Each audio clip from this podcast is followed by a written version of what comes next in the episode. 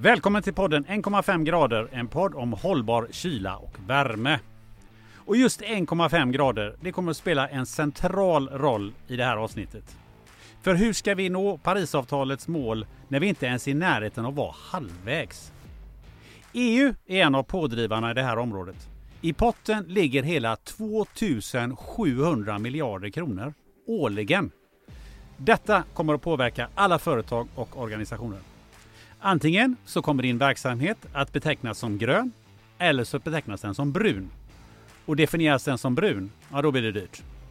Så spetsa öronen, för här kommer ett samtal om EUs taxonomiförordning och vilken avgörande betydelse den kommer att ha för dig som jobbar med energi, värme och kyla inom fastighetssektorn. I studion idag så har vi som alltid Andreas Bäckäng, VD för företaget Enrad som utvecklar kylaggregat och värmepumpar där man använder naturliga köldmedier. Och för att göra en djupdykning i det här ämnet så har vi bjudit in Robert Wangsta från organisationen Carbon Free Alliance. Robert och Andreas, välkomna hit! Tack, Tack så mycket. så mycket! Jag som ska se till att det här samtalet så att säga hamnar inom taxonomins gränser heter Gunnar Österreich.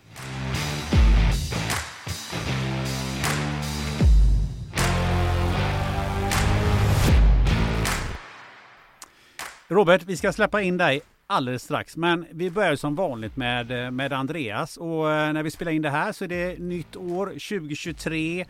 Eh, vad ser du framför dig? Eh, jag ser ett ganska så, eller ett väldigt spännande år faktiskt. För det ska hända väldigt mycket i våran bransch i år. Delvis så har vi ju en uppdatering av F-gasförordningen som är då otroligt viktig för oss som jobbar naturliga köldmedier. Vi vill ju som vi brukar säga ta död, eller de är utdöda, de syntetiska köldmedierna. Och F-gasförordningen ska ju förstärka detta. Eh, I eh, april månad räknar man med att ta beslut. Och sen har vi ju någonting som eh, nordiska bolag här ihop med, eller nordiska länderna ihop med eh, Holland, tror jag, Tyskland jobbar med att försöka få in de här ämnena man använder i HFO då, ett annat syntetiskt köldmedel. Det vill man ju då lyfta till ECA som är European Chemical Agency för att liksom få in dem på REACH-listan så det blir förbud Eh, och det ser vi ju väldigt mycket fram emot såklart. Eh, och sen så toppar vi detta med då taxonomin och det är därför vi sitter här idag. Eh, vi skulle egentligen hunnit gjort det här i höstas, men det blev inte tillfälle. Eh, så då får vi köra det nu och det passar ganska bra. Vi släpper det här i januari.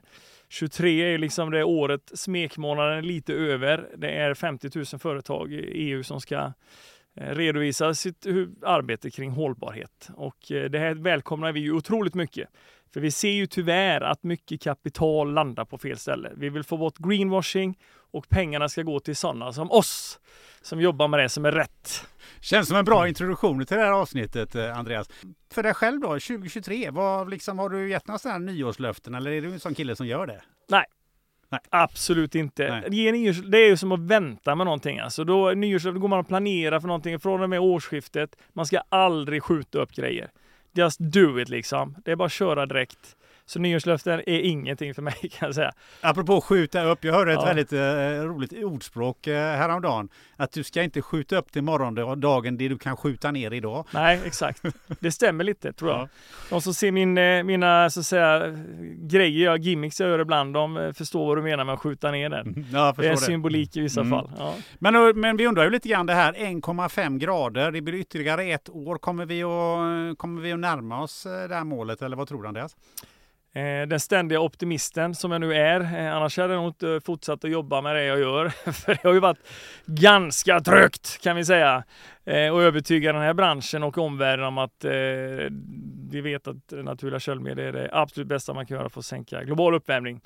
Och det har gått lite trögt och det är klart att man känner en viss frustration, eller jag känner ganska ofta mycket frustration över just att kapital landar på helt fel ställe. Liksom. Att det satsas på fel grejer. Eh, av någon, ja, det är inte märkligt egentligen. Det handlar om att det ska vara rätt figurer som syns runt omkring. Så eh, det kanske inte alltid eh, det kanske oftast mer är personbundet än så mycket sakbundet tyvärr då, när det gäller var pengarna hamnar och det kan vara lite obra. Men jag hoppas att taxonomin eh, ska vara mer svart eller vit nu då. Och att eh, jag, ja, jag tror att den här kommer att trycka på mycket, mycket hårdare nu och det kommer bli tydligare eh, vad som är bra och vad som är dåligt. Det som oroar mig, får jag ändå säga, det är bara att vi ska få en massa ja, svära gör jag ibland här. Jag ska försöka undvika det då. Jag har mycket svordomar ibland. Ja, men det finns en del troll. Vi ska inte sätta ord före dem då. Men eh, det är just att man då eh, framställer EU som en, det är väldigt dåligt och att vi ska gå ur och sådana grejer. Jag är lite orolig alltid när det görs eh, tuffare satsningar på vissa områden att då kommer alla nättroll fram och det ska drivas opinioner mot att vi inte borde vara med. Så att eh, ni, kan, ni som lyssnar på det här nu och är ett nättroll, gå och lägg er säger jag bara för det är ingen idé. Mm. Det här är ett antitrollavsnitt ja, det. Ja. Varje avsnitt är ett antitrollavsnitt. Ja, så ja. är det. Vi vill inte ha troll. Det, de ska väck liksom. Bort med trollen eh, säger vi till eh, Robert Wangsta. Extra välkommen hit. Tack. Eh, du, du har ju lång karriär i fastighetsbranschen och om man, man kollar in dig så, så förekommer det namn som Ubani, eh, Urbanity Labs, eh, Settler Properties och Net Zero Homes. Mm, precis. Och, det var några grejer jag snubblade på. Vad, vad, kan du förklara lite? Vad, vad, vad är din position här? Ja, man kan säga jag håller på med fastigheter i väldigt många år, precis som du sa. Och eh, under de senaste fem åren så har väl verkligheten kommit fatt även mig. Så att mer och mer har frågorna handlat om hur skapar vi och bygger vi fastigheter som inte släpper ut koldioxid. Eh, och därav så landade jag i Net Zero Homes och tagit med det konceptet in i Settler då, som är det bolag som jag delvis är verksam i idag. Då. Vad är Net Zero, Zero Homes? Net Zero Homes är ambitionen får man väl säga då att bygga bostäder utan att släppa ut någon, någon koldioxid överhuvudtaget. Um, sen kan man säga att det där är ju en verklighet som kanske inte riktigt man når hela vägen fram till.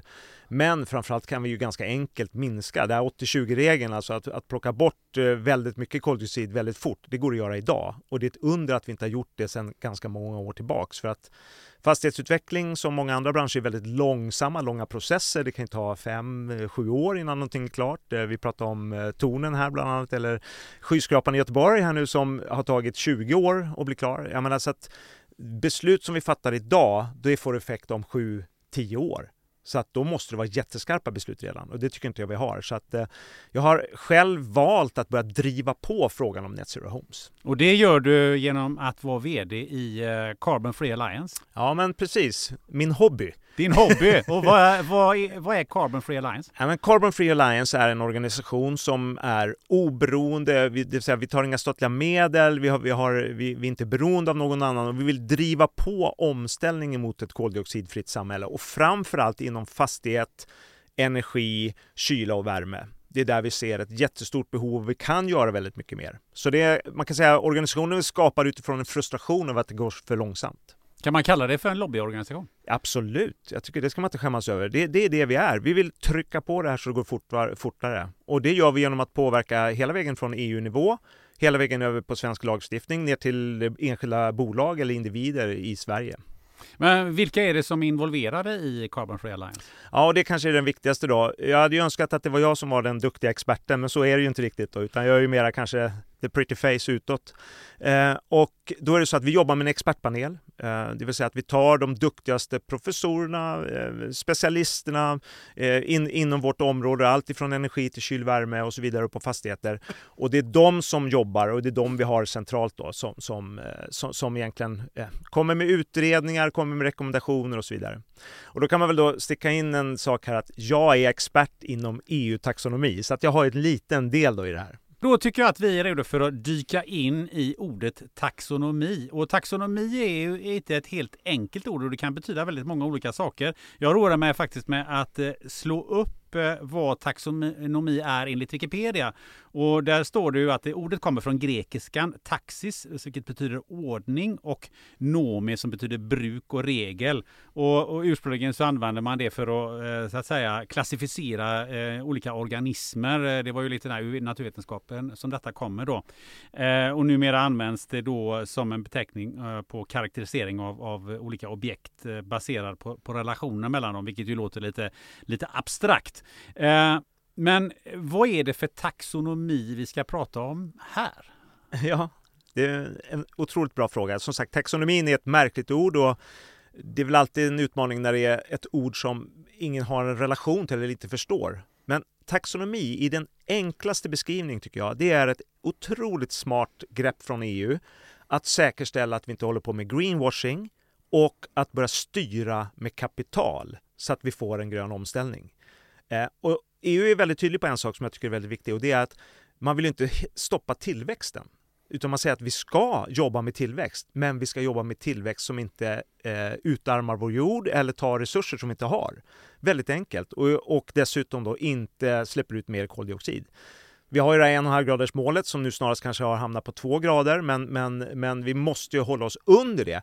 Och nu sa jag fel igen. Det är inte ett 1,5 graders mål. Det är ett tak. Alltså man glömmer det, man tror att det är ett mål. Mål är helt galet att säga. Det är ett tak. Vi ska inte komma över det. Men tyvärr ser det inte så bra ut just nu. Men vad är då bakgrunden till eh, den här EU-taxonomin? Mm, ja, det är en bra fråga. Allting börjar egentligen på nivån eh, FN-nivå. Eh, där vi ursprungligen har de 17 globala målen. Eh, det är de vi har att jobba med. Det är det som vi ibland kallar för Agenda 2030. Det är de här färgglada plupparna som jag tror de flesta känner igen. Eh, ett sätt att implementera eh, Agenda eh, 2030 då, eller de här 17 globala målen är ju våra COP-möten. Det senaste hade vi i Sharm el-Sheikh. Ehm, det som vi kanske känner igen mest är det som var i Paris, det som kallas för COP 15. Eh, anledningen att det är så känt var ju att det mötet, och då var det ju hela världen som träffades, där tog EU ett beslut att man skulle ha reducerat dem med 50, sen har man höjt det till 55 procent till 2030, eh, utsläppen av koldioxid och sen att det ska vara helt borta till 2050. Så det var, det var ett väldigt viktigt möte. Eh, sen då på, i, eh, på ehm, e EU-nivå så fattade man beslutet att införa någonting man kallar för the Green Deal. Det var alltså resultatet av COP 15. The Green Deal eh, var en oms ett omställningsarbete eh, som man ville göra eh, och man ville satsa pengar, man ville ha en idé om hur, hur det här skulle gå till och så vidare. Och då som ett resultat av det, då utarbetade man EU-taxonomin. Och EU-taxonomin är verktyget, det är det kirurgiska greppet liksom. Det är maskinen som ska få det här att hända. Och det eh, kan man säga, det det gör då, det är det här med greenwashing. Ta bort greenwashing genom att man gör en klassificering för hur man ska kunna jämföra olika saker. Alltså ett antal branscher ska kunna jämföra vad är grönt och vad är brunt. Så jag skulle vilja säga att det är som ett klassificeringssystem eller ett matchningssystem så att det ska bli transparens. Och därmed försvinner greenwashingen då. Så det är en väldigt viktig del. Och sen den andra delen är då att pengarna då ska allokeras utifrån om de är gröna eller bruna. Och då tar man EU-medel, det vill säga det som Europeiska centralbanken i princip och andra då återinvesterare ser till att investera in i fonder och i lokala banker i de olika länderna och de i sin tur då sätter pengarna på rätt projekt in i rätt bolag. Utvecklingsprojekt eller det kan vara företag eller gå till olika områden då som är gröna. Sen då när man kommer ner på nästa nivå, då kommer man in i Sverige-nivån på det här och EU-taxonomin då när det ska implementeras i Sverige för oss på, på, för våra företag, då är det dels då på företagen och där implementeras det in i hållbarhetsredovisningen. Så där styrs det då, eh, där, styr, där styr det egentligen hur vi gör våra årsredovisningar eh, och, och eh, det här följs upp då noggrant dels utav taxonomiförordningen som är lagstiftning. Sen på andra sidan då så har vi pengar då som går via bankerna, alltså det, det finansiella spektrat. Eh, där har vi det som man kallar för ESG-investeringar och ehm, eh, det, det, det, är, det är de här två som samverkar då, styra företagen och styra finansieringen. Och sen då när vi kommer ner på nästa nivå, det är väldigt konkret till exempel i fastighetssektorn eller de olika branscherna. Då är det Boverket som styr via klimatdeklarationer som man idag sitter och som en fastighetsägare då får fylla i. Till exempel vad är det för energislag som jag har? Vad, eh, vad har jag valt för material och så vidare då? Och eh, då måste jag redovisa än så länge då hur mycket, hur mycket koldioxid koldioxid släpper jag ut? Så allt det här tillsammans, det är kan man säga det som jobbar numera och styr oss väldigt mycket eh, i, i, ja, i, så att vi ska kunna klara av den här klimatomställningen. Eh, innan vi går ner just på, på fastighetssektorn och det som vi ska fördjupa oss lite grann i här. Eh, men det här antingen brunt eller grönt, det låter oerhört binärt. Det finns inte mm. liksom ljusgrönt och lite halvbrunt och Absolut lite blandat inte. och sådär. Varför Nej. är det så? Nej, men det här, och jag tycker det här är fantastiskt bra. Äntligen kan man inte ligga och glida mitt emellan och hävda att man är lite grön och sådär, utan antingen är man grön eller inte. Och det är väldigt hårda liksom, nivåer. Det är mängd utsläpp eller det kan vara antal grader. Eh, vi, vi, kan ta ett jättepraktiskt exempel. Så om man går in på fastighetssektorn då, när man kommer ner till eh, eh, eh hur man använder sig av resurser, så får man bara installera kranar som släpper ut tre liter till exempel. Alltså, så, så, så har en kran som släpper ut 3,1 liter, då är den brun. Tre liter per... Per, per minut. Okej. ja, alltså så i, flöde, i flödeshastighet är det då. Så att man begränsar flödeshastigheten på vatten. Och det är för att man inte ska använda onödigt mycket vatten. Och då kan man säga så här, ja men nu är man inne och styr på en detaljnivå som är jättejobbig. Ja, absolut, det gör man, men det är det som behövs. Men hur känns det Andreas? Brunt eller grönt? Eh, vad, vad är din eh, reflektion eh, kring det och just den här detaljstyrningen? Nej, men det var som jag sa in, inledningsvis här. Det är, nu blir det liksom lite mer svart eller vitt. Eh, och det, det, har ju varit och är fortfarande för lätt att, att glida liksom eh, utanför. Eh, man marknadsför sig som grön men sen håller man på med något som är jättedåligt och det är, förhoppningen är ju bara att det försvinner. Sen ser jag ju mycket annat. Det kommer innebära rent eh, organisatoriskt brukar vi prata om att man kvoterar in kvinnor. Eh, jag kan ju bara säga från vårt arbete när man reser runt eh, på mässor och liknande, framförallt när det är väldigt hållbarhetsnischade mässor, så är ju 90% kvinnor. Och det kan man ju säga att det här kommer ju förändras. Eh, det kommer ju varandra företagsledning och styrelse behöva fundera på framöver. Vad är det för folk som sitter här i ledning och i styrelse? Här kommer ju då hållbarhets personerna på företagen, de kommer behöva flytta in liksom i ledningsgrupperna mm. och i styrelsen och ta en ganska stor plats. Eh, den finansiella, Chief of Financial, brukar ta mycket plats. Va? Men det är ju så att den hållbarhetspersonen i princip idag kommer att ligga på samma nivå framåt. Så att det här, det här tror jag är jätte, jättebra för att lyfts frågan allra högst upp även i bolagen liksom, i organisationerna. Så det är inte bara finansieringen. Jag tycker du har en jättebra poäng där och jag tycker jag känner igen det här från IT-industrin. När man hade IT-chefen för så 20, 25, 30 år sedan. Som man sa så här, men IT, vadå IT-chef, varför ska man ha det? Var, varför ska den sitta i ledningsgruppen? Helt meningslöst. IT, det är en fluga. Det, det här kommer gå över ganska fort. Och sen så åren går och till slut blir det här en viktigare och viktigare position. Och idag, du har inte en bank, du har inte ett bolag som inte har IT som en otroligt central funktion. Exakt samma kommer det bli med hållbarhet. Alltså hållbarhetsfrågan kommer glida ihop med finanschefens roll. Lika viktig kommer den bli. Och jag tror att de kommer sitta ihop. Jag tror inte man kommer att ha dem separerade. Och där tror jag att, eh, att där har man ju också sett en glidning när det gäller IT-chefen. För IT-chefen, det var ju väldigt mycket eh, eh, datorer och, och hårda puckar. Och då kan, man, då kan jag förstå den kritiken mot vad ska den personen göra i ledningsgruppen. Men IT-chefer har ju, den positionen har ju utvecklats väldigt mycket och kompetensen har utvecklats väldigt mycket till att förstå affären, vilket man kanske inte gjorde för 20, för 20 år sedan. Så, att, eh, så det där är intressant. Men um, någonting med att bli lite nyfiken på Eh, om man får pengar om det är grönt, men det kostar mer om det är brunt, eller vad händer då? Ja, precis. Vad händer då? Vad, vad, finns det för sanktioner? Eller hur? Det är det ja, eller blir, hur, hur dyra blir pengar då? Eller har du någon exempel på ja, det? Just det. Nej, men, och det är väl, då kan man säga så här, det här med EU-taxonomin är lite spännande för att nu har man faktiskt gjort en sak inom EU som jag inte trodde man skulle göra. Det är att man, man har vågat sjösätta ett program, ett ambitiöst program mitt och egentligen man rullar ut utan att det är klart. Så kan man säga. Så att vi, man testar det här live. Eh, vi pratade lite grann om att det fanns sex stycken mål eh, tidigare och det finns sex stycken kan man säga, miljömål inom ramen för EU-taxonomin varav två av dem är definierade och klara. Och de är ganska tydliga. Det är begränsa klimatförändringarna och sen är det hur man jobbar med klimatanpassningar. De två är klara. Där finns det definitioner på hur man ska göra det. Men sen finns det fyra till och det handlar om vatten och marina resurser. Jag nämnde lite grann om det här med tre liter och sådär. Eh, sen är det minskade föroreningar, cirkulär ekonomi och det man kallar för biodiversitet och ekosystem, det vill säga biodiversity, eh, biologisk mångfald, är ju den som går ut på.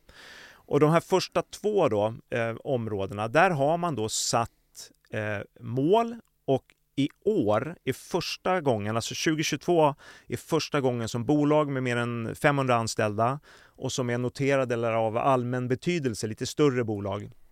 Det är första året de måste rapportera enligt EU-taxonomin. Och vad betyder det då? Jo, det betyder att om man måste rapportera, då innebär det att man ska definiera sin verksamhet. Hur stor del är relevant ur EU-taxonomin och så ger man en procentsats på det. Och sen efter det säger man på den del som är relevant, hur väl stämmer det då överens med de här kriterierna som man har satt upp? Ett antal tekniska kriterier kallar man det.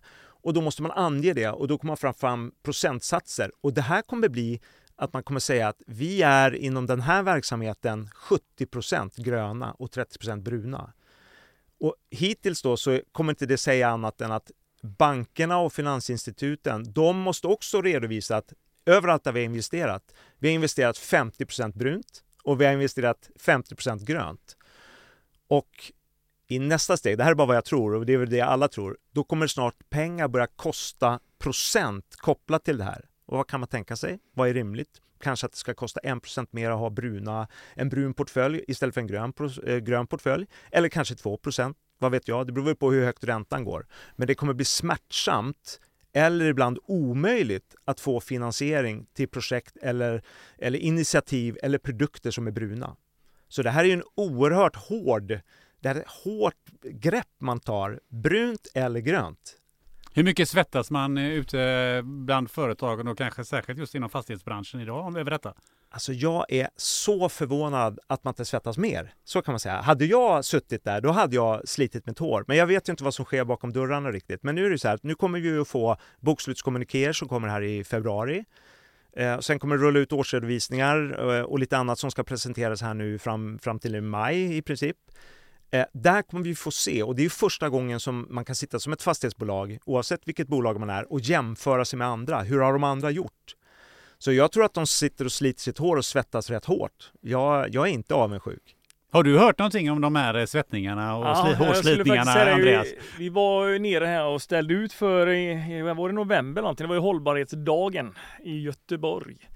Eh, och det var ju, det här var ju ett hett ämne även där då, eh, som fick ta plats på agendan. Och det var det ju både från eh, kommunal sida och då från, det finns ju en del eh, ganska stora fastighetsbolag runt omkring här i Göteborg också som var med.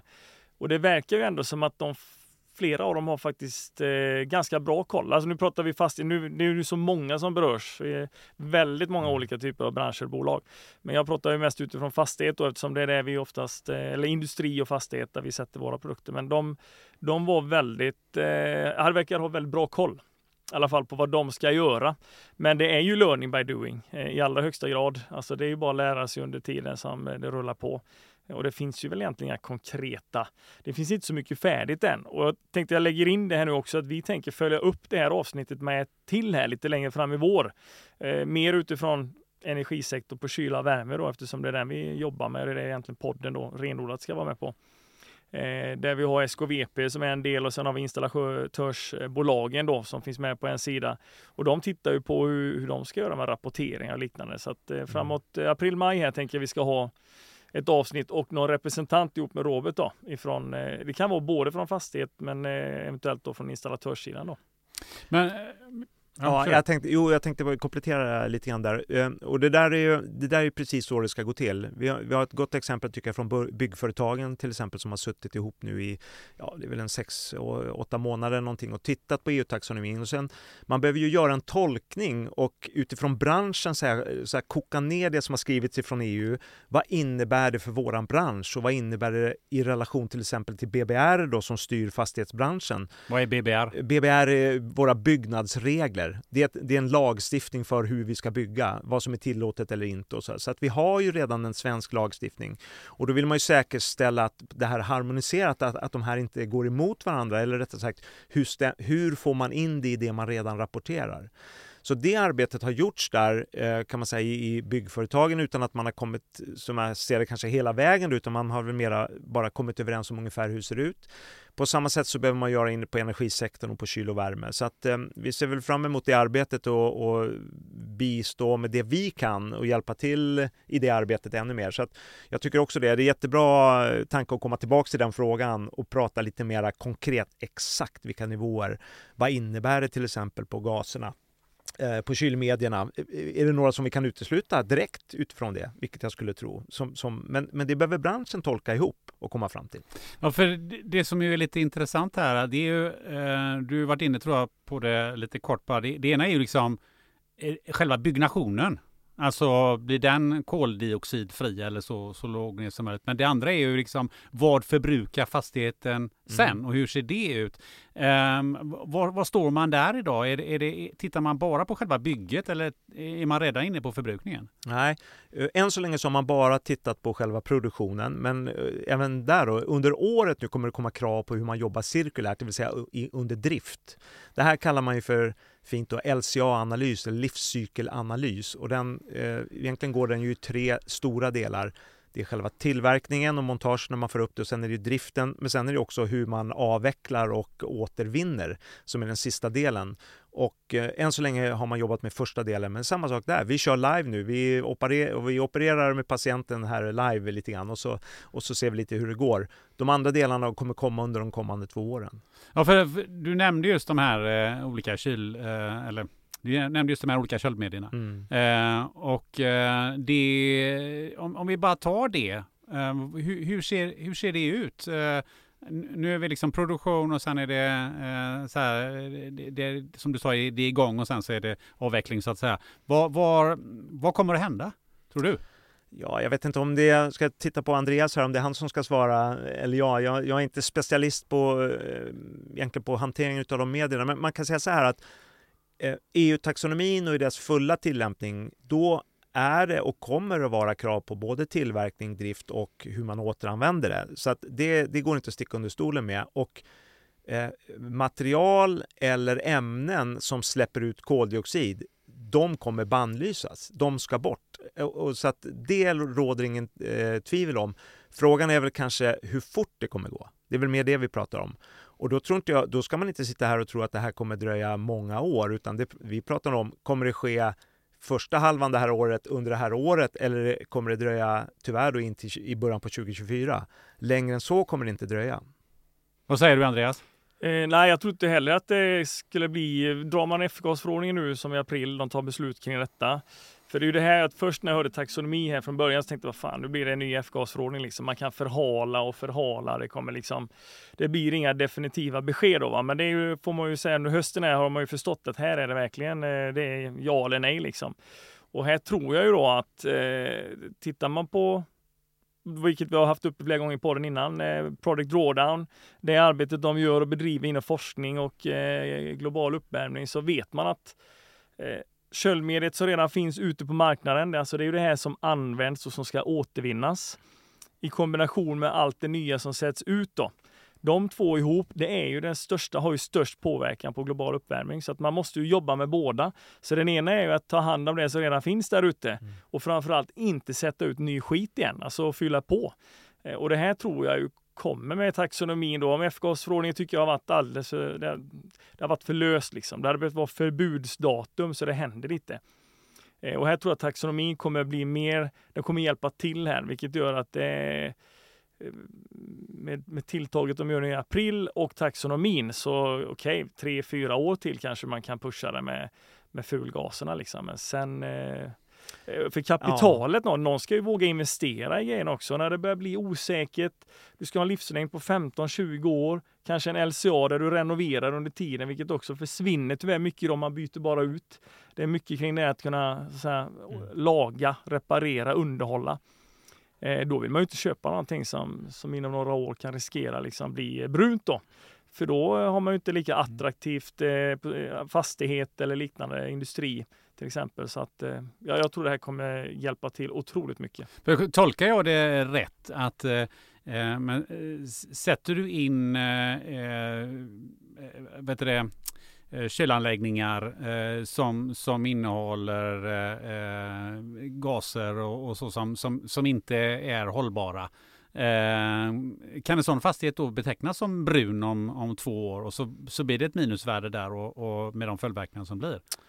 Ja, eh, man kommer ju dels kommer man ju titta på helheten på fastigheten så att eh, det är klart att eh, man gör en helhetsbedömning där hela fastigheten kan ju visa sig vara grön men man kan ligga på uppvärmning och kylsidan kan man ju vara brun. Så kan det bli och då kommer det här bero lite grann på hur man rapporterar, det vill säga fastigheten kommer rapporteras som grön men när du ska rapportera energislag, när du tittar på uppvärmning och kyla för hela ditt bestånd till exempel, då, då kommer det ju räknas in där och då kan det bli brunt.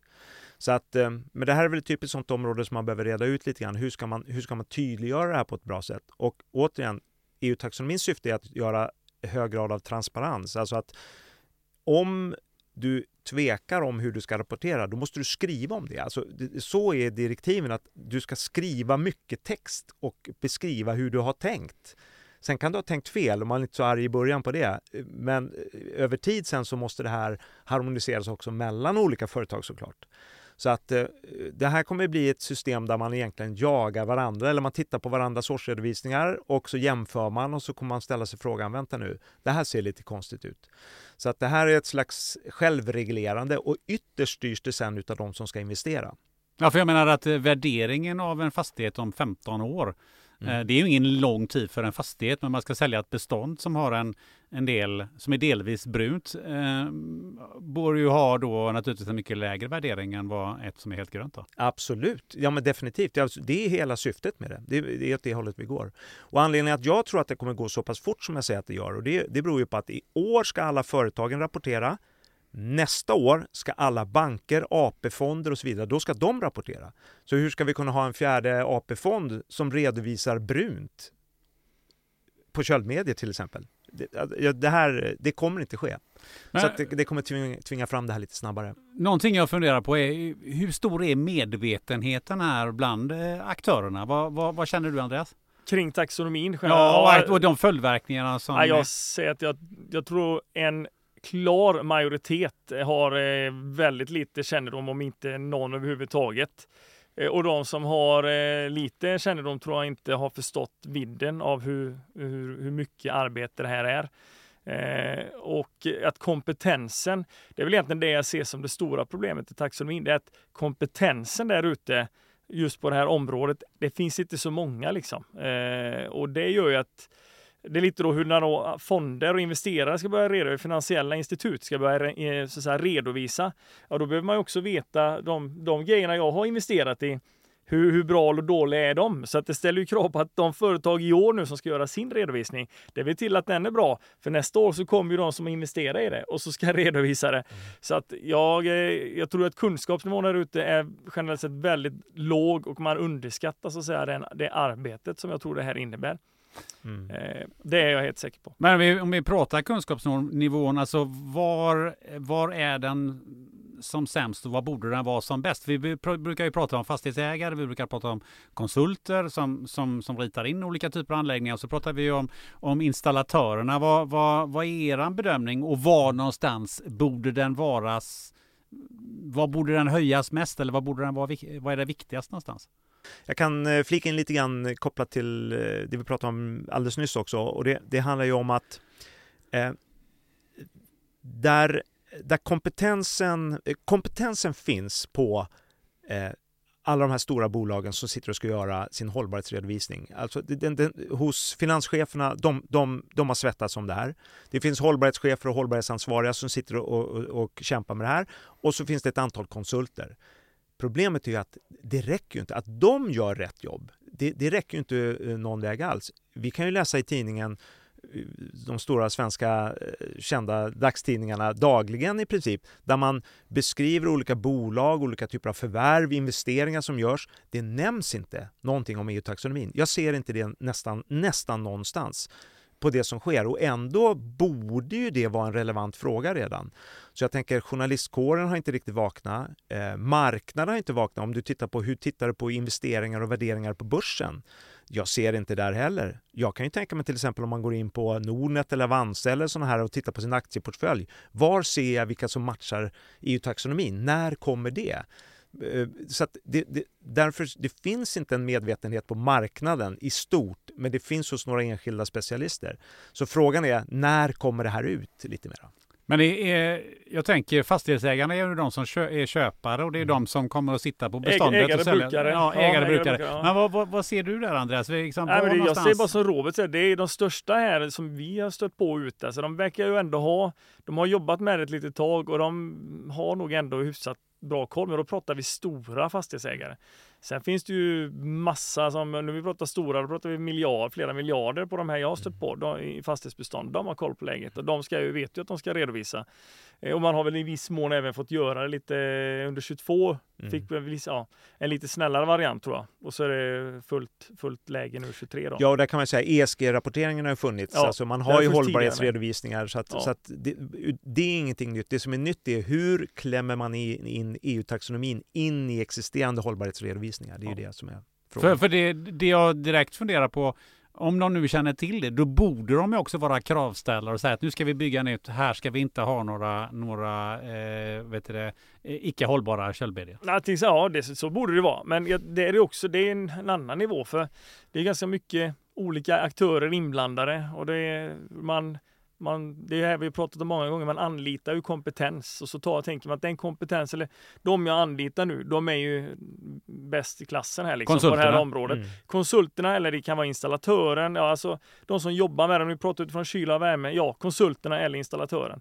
Men då tänker man ju som ägare, brukare, att nu har jag anlitat en professionell konsult eller en professionell firma. Då kommer de att välja det som är bäst för oss här och nu då.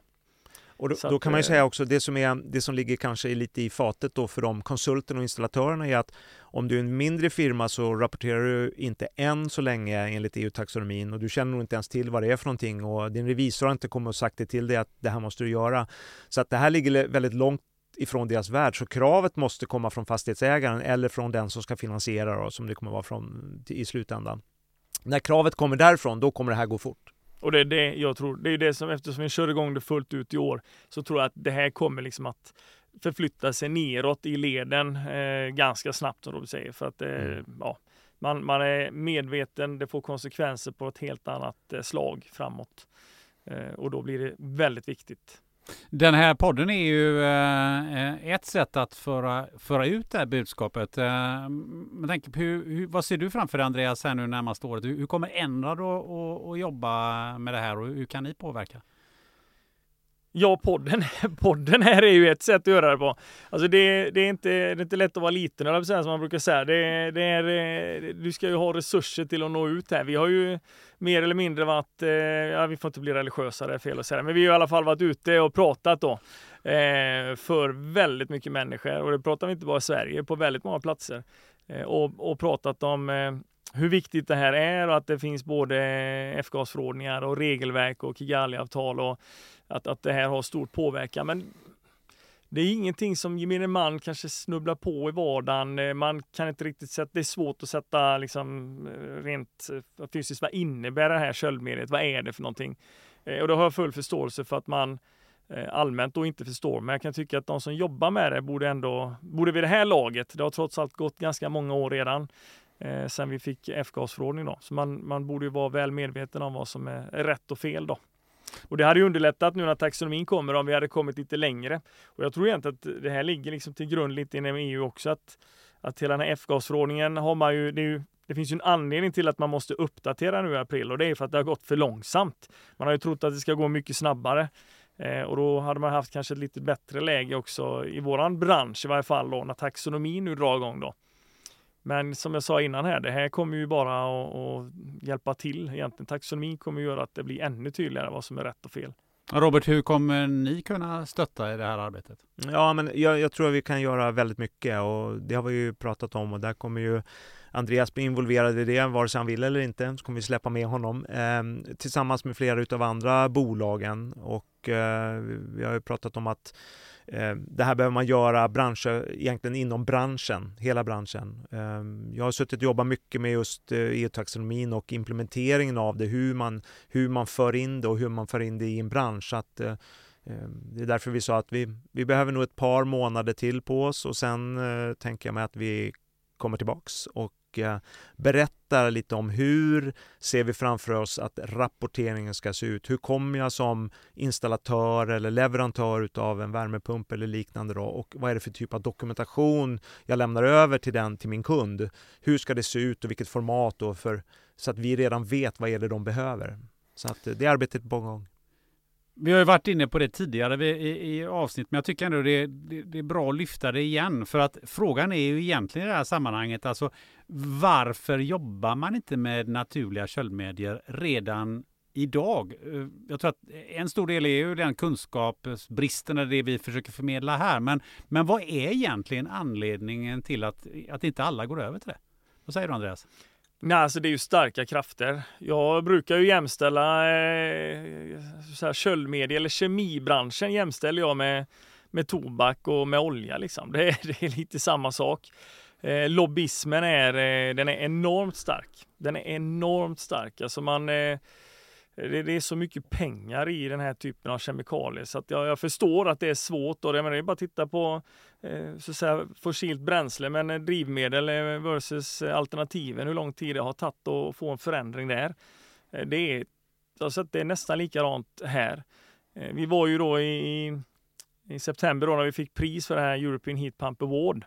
Och det var ju eh, värmepumps, Europas eh, värmepumpsförening eller bransch där. Men det var ju Chemur och, och Honeywell och, och, alltså från kemibolagen som var på plats där liksom på, och, och pratade av sina grejer. Och det var EU-parlamentariker från kommissionen och liknande som var där på plats med. Och alla driver ju liksom de är stora, det finns mycket pengar, det finns mycket arbetsgrupper och har du pengar då har du också möjlighet att sätta in resurser som är med och påverkar. och det är det här som gör att det tar tid. Eh, för det konstant motarbetas då indirekt, får man säga. men det blir ju en form av motarbetning att Även om EU då har, man kan ju fundera själv på då varför en värmepumpsförening i Europa eh, har inbjudna gäster från kemibolagen då när det finns en F-gasförordning som ska så här, forcera, få, få väck de kemikalierna. Så att det ligger jättemycket där i att det är lobbyism och det är mycket pengar. Eh, och det finns flera stora globala aktörer också som, som tillverkar kylaggregat och värmepumpar som själva också gör och köper in då köldmedia och de tjänar ju pengar på det också. Så det är inte bara produkten, de tjänar ju pengar på köldmediet. Det läcker ju alltid förr eller senare så blir det någon form av läckage och då får man ju sälja när man ska fylla på och sådär. Va? Eh, så det, det, ligger i det, det är pengar det handlar om. Och det är just det taxonomi nu gör. Det är att man styr om pengarna och då ska de ju inte landa där. De ska landa där det är rätt helt enkelt. Men du pratar pengar, alltså ja. är, men är det så att en, en anläggning eh, som, som har naturliga köldmedel, är den så mycket dyrare än den andra anläggningen? Eller vad, vad, vad, vad, liksom, vad, vad pratar jag om för pengar? Ja, investeringsmässigt så blir det, är det ändå en viss skillnad för både CO2, ammoniak och, och hydrocarbons eller propan då som vi säger. Eh, det kräver lite andra funktionaliteter då för att få drifta och för att få in eh, säkerhetsfunktioner möjligtvis. För det, man har ju lite andra grejer man behöver ha med för att det ska vara säkert och rätt och riktigt. Så det är klart att i en del fall eh, är det dyrare. Ibland kan det vara nästan samma pengar. Men återigen så handlar det om att det är den här vanan också. Att, att jag är van vid att installera eller montera. Jag är van som konsult vid att rita in. Man vet vilka regler man ska förhålla sig till och det här eh, naturliga köldmedier. Det innebär att man behöver tänka på lite andra grejer och då blir det någonting nytt och då blir det lite jobbigare. Då kan man inte copy-paste lika mycket. Och så att det finns, det är väl två delar då får man säga. Den ena är ju pengarna och marknaden i sig eh, med aktörerna och den andra är att de som jobbar med det väljer det som alltid är eh, enklaste vägen tror jag då. Vad, vad tänker du eh, Robert när du hör det här? Nej, men jag tänker att eh, det här misstaget som jag tror vi har gjort generellt som eh, mänsklighet under lång tid. Man, man tror att det här är en fråga för individen. Eh, individen ska källsortera sig ur problematiken och med flygskam kommer vi till rätta med det. Jag tror att det är helt fel. Det här är eh, politiska beslut, det är eh, övergripande organisatoriska beslut, det, är, det, det behöver ske beslut på global nivå eller på EU-nivå och styra med kapital som man gör nu. Det, det, det, är helt rätt och jobba med skam, för det gör man ju också med transparens och säga vill du vara 70% brun i princip, och några kommer ju gilla det och tycka det är bra, så är det ju alltid, men, men förhoppningsvis kommer många inte göra det, framförallt för att det blir dyrare och svårare att få tag i kapital. Helt rätt väg att gå. Du kan inte lägga det här på individen. Det här är inte ett individuellt beslut om man ska rädda planeten eller inte, utan det här vi, får vi göra tillsammans. Så att eh, det, det håller jag helt med om. Sen, sen är det här med kompetens är ju en, en problematik. Det är klart att ett nytt sätt att jobba på, nya ämnen, det är ju jättejobbigt. Det är alltid obehagligt. Eh, det är ju lika självklart som att har du fått inbrott en gång får du inbrott en gång till. För till och med den som eh, är, är tjuv går gärna till samma ställe för att det känns bekvämt att göra på samma ställe en gång till. Så att det där det är liksom mänskligt. Um, och där krävs det ju större satsningar och framförallt krav, tänker jag, från fastighetsägarna, eh, från beställarnas sida. Eh, jag kan bara fylla i det. Jag, faktiskt, jag driver ju en egen podd och eh, har intervjuat Maria Wetterstrand för inte så länge sedan. Hon säger exakt det du säger. Mm. Att man ska inte lägga det här på individnivå. För individen kommer inte att göra det. Utan det måste komma från, från den nivån som du, som du pratar mm. om. Så det är bara att fylla i det. Men, men, men jag tänker lite så här. Um, vi pratar ju om att, eh, att det här med klimatförändring, att vi håller på att köra rätt ut mot ett stup. Men, men eh, är det inte lite så att de här kemiföretagen också håller på att köra rakt ut mot ett stup och försöker kränga ut så mycket av det här kemin så det bara går? För att någonstans, om de lyssnar på det här så måste de väl inse att ja, den här taxonomin kommer om tre, fyra år så vi säljer inte så mycket av det här längre.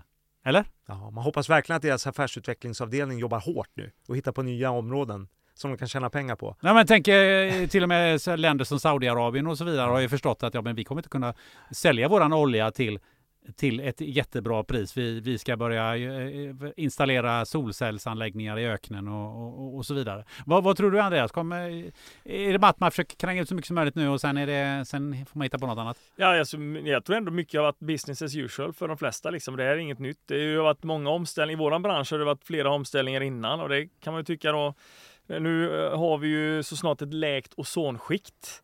Eh, och då tänker jag så här att ja, men då borde ju alla fundera på ja, vad var det som ställde till det förra gången liksom att eh, Men det var ju freonen och freonerna kom från köldmedier bland annat. Framförallt från köldmedien. Och sen ersatte man det med andra grejer och då kom ju då det här med att vi fick för mycket florerande så att säga eh, koldioxidekvivalent i vår atmosfär och nu då håller man ju på med nya syntetiska köldmedier i form av HFO där vi får aerosola partiklar istället då i form av PFAS-ämnen.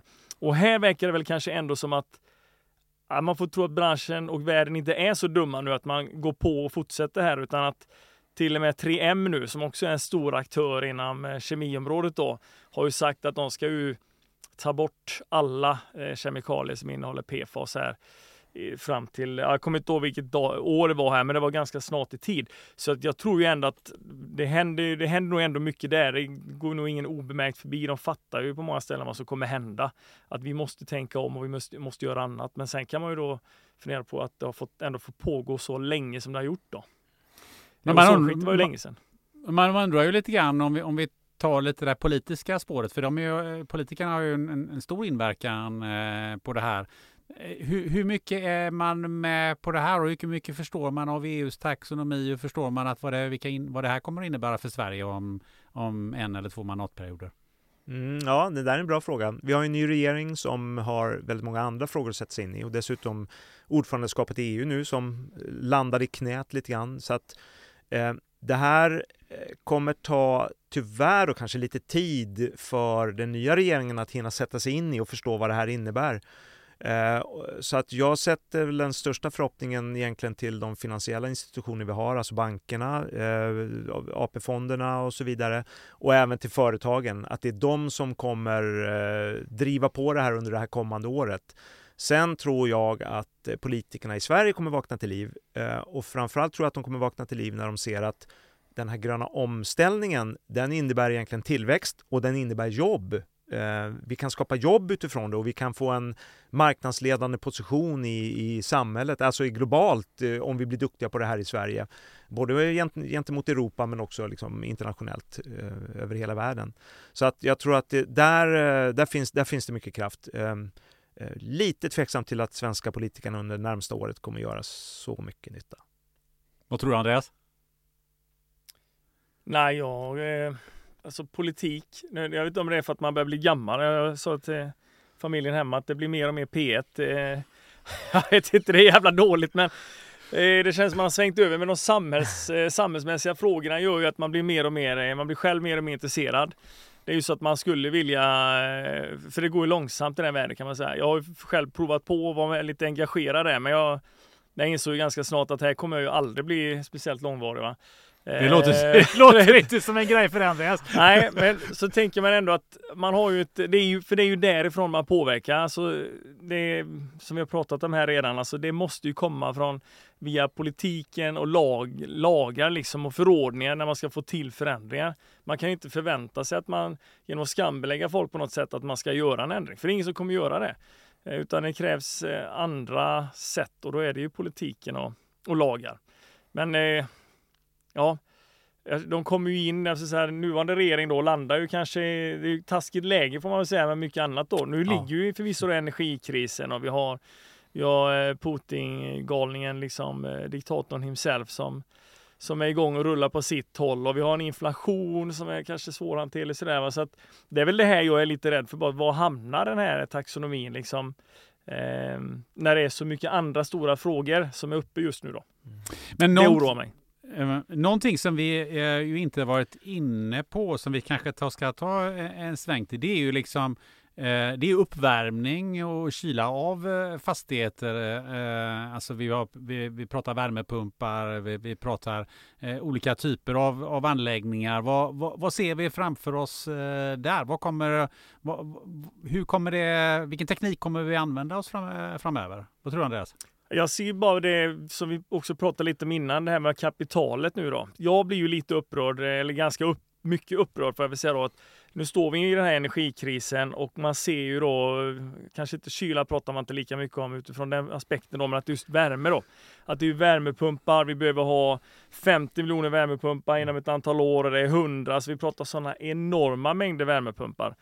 Och, då, och det är då det miljöbästa vi kan göra. Men det är ingen som pratar om det som ska faktiskt då driva de här, alltså, eller driva dem, men som ska förflytta eh, värmen i de här, alltså själva köldmediet. Det är det ingen som pratar om i de här fallen. Eh, och det gör ju samtidigt nu att det kommer enormt mycket kapital som satsas i att man ska producera de här värmepumparna då.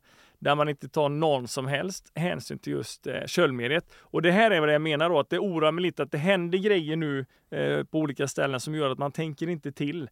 Eh, och det finns inte reglering som är så snabb att man kan hantera utan nej, men vi gör som vi brukar göra lite grann blir det ju. Fast vi gör det mycket, mycket mer och då känns det ju som att det är ju helt fel väg att gå. Helt rätt att man satsar på värmepumpar, annars vore jag dum om jag inte skulle hålla med om det. Men varför ser man inte till att det är krav på att det ska vara naturliga köldmedier då? För nu kommer vi ju tillföra en massa dåliga eh, kemikalier i våran eh, luft och våra vatten här eh, genom att, Mm. eh, en sån här satsning. Och att kapitalet, det finns ju verkligen jättemycket kapital. Vi har eh, flera goda exempel på där det investeras både eh, 500 miljoner och en miljard för att man ska bygga värmepumpar. Det byggs nya fabriker runt om på massa ställen i Europa. Och man vill försöka även ha produktionen i Europa, vilket är bra. Men man satsar ju på helt fel köldmedel. Så det gnager mig otroligt mycket att det blir på det viset. Säger du Robert? Ja, nej men jag tänker, vi har ju ett stort program i att byta ut gasen i Tyskland till exempel. Och där är ju värmepumpen det man ska använda sig av. Så att eh, det är väldigt många miljoner värmepumpar som ska installeras under bara de kommande åren. Alltså väldigt, väldigt många och eh, det är väl en ytterst relevant fråga. Ska vi verkligen installera dem med någonting som släpper ut mer koldioxid? Det känns ju jättemärkligt. Vi har ju världens chans att få bort gasen. Det, här, det, det är liksom, det är som en upplagt för smash. Så jag tycker egentligen så i allt elände så eh, påskyndar det här egentligen en omställning som vi redan har påbörjat. Liksom, låt oss ta tillvara på det och göra det vi kallar en grön omställning då, eller alltså en, en omställning som är koldioxidfri, nu när vi ändå kan. Jag förstår inte varför man inte ska göra det. Det låter faktiskt helt galet att inte göra det. Någonting som eh, jag faktiskt såg häromdagen, det är ju att eh, vår gamle vän eh, eh Jonas Birgersson är igång igen. Och, eh, och, Fra, framfab? ja, inte Framfab, men ett det? annat bolag eh, där han jo, men faktiskt... gamla Framfab. Det är gamla Framfab, ja, precis. Våran IT, orange fleecejacka. Just det, Ja, glesbygdskavajen. Han, är, ja, han heter Bredbands-Jesus eller vad Ja, det ja. kallas för. Men han är faktiskt ute nu och just och pratar om energisystem och pratar rätt mycket om det här med, med eh, energilagring i, i hus och batterier och så vidare. Och, och det finns ju, vad jag har förstått, de bolagen som som eh, tillverkar den typen av lagringsanläggningar och så vidare har fått, eh, ser en väldig boom eh, framför sig här. Hur, hur, kan, hur kan det påverka i våran, vad ska jag säga, våran totala... Nej, men jag tänker att du, du, du, du är på en otroligt viktig fråga. Ta det här goda exemplet som alla datahallar som vi har jobbat med. Alltså, vi, vi har, har ju Microsoft eh, utanför Gävle som man letar någon plats långt utanför stan där det är nära till kyla så att man ska kunna kyla ner tillräckligt mycket. Samma sak i Avesta där Google har planerat en eh, anläggning. Då, då lägger man det långt utanför stan. Alltså här har du en, en eh, värmegenererande verksamhet och så har man ett problem med det. Hur kan det vara ett problem? Vi vill ju ha värme. Lägg det mitt i stan, lägg det under alla husen. Eh, planera tvärtom, det blir ju en värmelagring och så jobba med värmepumpar. Eh, då har du ju världens bästa lösning. Så att vi, det är som att vi inte, vi har lösningarna precis framför ögonen men vi har inte riktigt tagit tag i dem. Och det finns otroligt mycket att göra genom att tänka om nu. Eh, och tänka lite smartare. Det här är bara ett exempel och jag tror vi kommer se väldigt mycket mer av energisystem, energilösningar framöver som, som, som är annorlunda än vad vi har sett tidigare. Jag tycker vi ska ta på oss lite framtidsglasögonen också. Alltså, om vi, vilka, är, vilka står som vinnare här nu om, säg eh, ändå ganska kort tid, som, säg fem år? Vad tror ni? Eh, vad menar du då? Liksom länder eller? Nej, jag menar mer liksom, vilka är det som är, blir det de som, som faktiskt använder det gröna kapitalet, som faktiskt eh, eh, tar bort så mycket brunt som möjligt? Eller vilka är det som, vilka är det som, som kommer att framstå som de som, som, som blir mer värda, som, som blir vinnare? Ja, ja nej men det, det är en ja, bra fråga. Nej, jag, jag tror att det här är väldigt avgörande från land till land. Och det, här, ja, det är väl just då politiskt sett det här som kan göra mig lite frustrerad då att man ser inte möjligheterna i det här gröna. Liksom. Eh, vissa gör det, men långt ifrån alla. Att om man på en, en samhällsnivå se till att, att, att, bygga ett samhälle som, som man kan attrahera den här typen av kapital för att påskynda de här förändringarna. Då kommer man också skapa enormt stora möjligheter att exportera mycket sådana här lösningar. Och det jag kan känna nästan att vi, inte att vi motarbetar det just nu i Sverige, men det är inte långt därifrån. Alltså man har inte fattat grejen. Och vi brukar alltid skälla på USA för att de är liksom, eh, förbrukar eh, ganska stora delar av, av resurserna i världen här. Men jag måste, där har man ju fattat ja, grejen. Alltså absolut. Alltså business kopplat till den gröna omställningen. Nu kan det ju förändra sig när man får in eh, någon ny galning Trump-variant då, men Bidens organisation i alla fall har ju pumpat in enorma pengar och jag säger att det kan ju vara så att det blir helt plötsligt USA som blir ledande i, i miljöomställningen på mycket tekniska områden, vilket vi i Europa här borde lätt kunnat så att säga, vara de som leder. Men det känns som att vi har nästan bromsat lite och avvaktat på lite för många håll här och att det kräver att så här, stat och regering uppmuntrar och driver på det här, för det kommer att ge så mycket affärsmöjligheter också. Fast EU verkar ju ha fattat det. Ja, EU har fattat det, men det går, jag håller med, det går, det går långsammare än vad det gör i, i USA och det, det kan ju det kan ju vara lite, så här, lite oroväckande och man känner igen det. Vi, har, vi fastnar lätt i byråkrati och ändå har det gått väldigt fort nu med EU-taxonomin. Men, men med det Biden har lagt ut de pengarna, man har varit orolig för att vi ska få bolag som lämnar Europa och även kompetens som lämnar för den här gröna omställningen. Men jag, jag, jag tror att eh, förklaringen till det här ligger ju att vi har av någon konstig anledning fått en politisk dimension på, på, på grön omställning, på det som är miljöarbete. Den har ju blivit vänster-höger-placerad eh, av någon konstig anledning, vilket är helt ofattbart eftersom det handlar om eh, en global katastrof eller inte, eller om vi ska få ett samhälle som vi kan leva och utvecklas i som är trivsamt och att jag använder resurser på rätt sätt. Så att jag tror att det handlar väldigt mycket om ordval, att vi måste gå bort och från prata om sånt som har uppfattats för mycket kopplat till gamla svenska heliga Miljöpartiet. Och så måste vi prata om grön tillväxt, eh, eh gröna jobb, eh, grön eh, eh finansiering och så vidare. Så sånt som traditionellt kanske man har upplevt som så här högerpolitiska värderingar eller värdeord. De måste också kopplas till det hållbara, till omställningen. För att det finns ju jättemöjligheter här. här det är ju här vår framtid ligger i.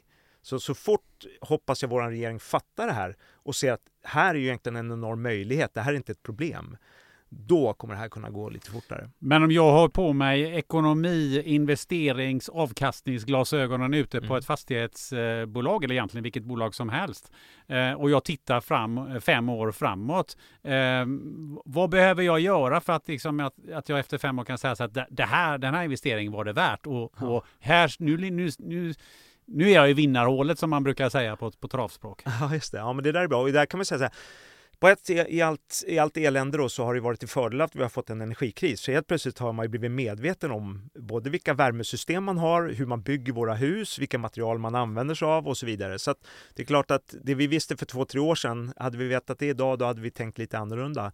Men det här har ju gjort, tycker jag nu, att många fastighetsägare har ju blivit medvetna om att det finns pengar att tjäna också på att bygga hållbart, att bygga energieffektivt, välja energieffektiva system och så vidare. Om vi dessutom nu lägger till då att kapitalet blir billigare, för nu kommer det bli den stora frågan för många fastighetsägare. Hur ska de få tag i nytt billigt kapital? Tidigare kunde vi bara gå ut på marknaden med en obligation och hämta in nya pengar och nu ska vi refinansiera och det är det pratas det ju väldigt mycket om idag det kommer vara gröna pengar som refinansierar det här. Och det här kommer bli survival of the fittest. Alltså de fastighetsbestånd som ser friska och fina ut, de kommer klara sig. De andra vet jag inte hur det kommer gå med.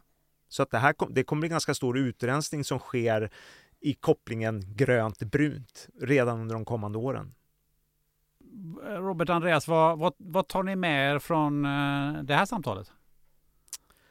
Eh, att taxonomin är fortfarande svår att beskriva på ett enkelt sätt, eh, tänker jag. Men att jag är så otroligt glad att det börjar, att frågan kommer upp. För att snart kommer det bara skölja över oss. Jag tror vi kommer sitta här om ett år och skratta lite åt vad lite vi och vad lite så många kände till om taxonomin och hur det kommer att ha förändrats.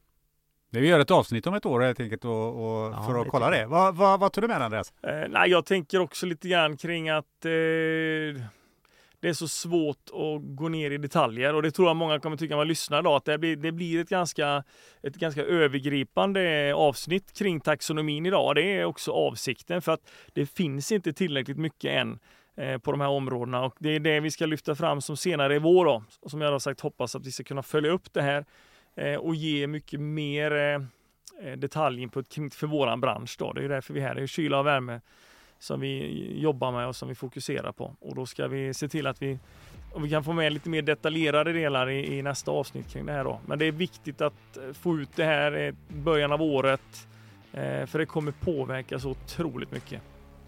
Så att, och jag säger bara återigen, det här är bara bra. Eh, jag ser inget dåligt. Så att trollen ska bara hålla sig undan. Det Just det. Punkt slut. Nu har vi då tror jag tryckt ner eh, trollen under mattkanten här i, i studion. Förhoppningsvis. Jag måste säga det att eh, eh jag har lärt mig otroligt mycket genom att läsa på inför det här avsnittet. Och så jag hade faktiskt ingen koll på EUs taxonomi. Nu jobbar inte jag själv i fastighetsbranschen men ändå.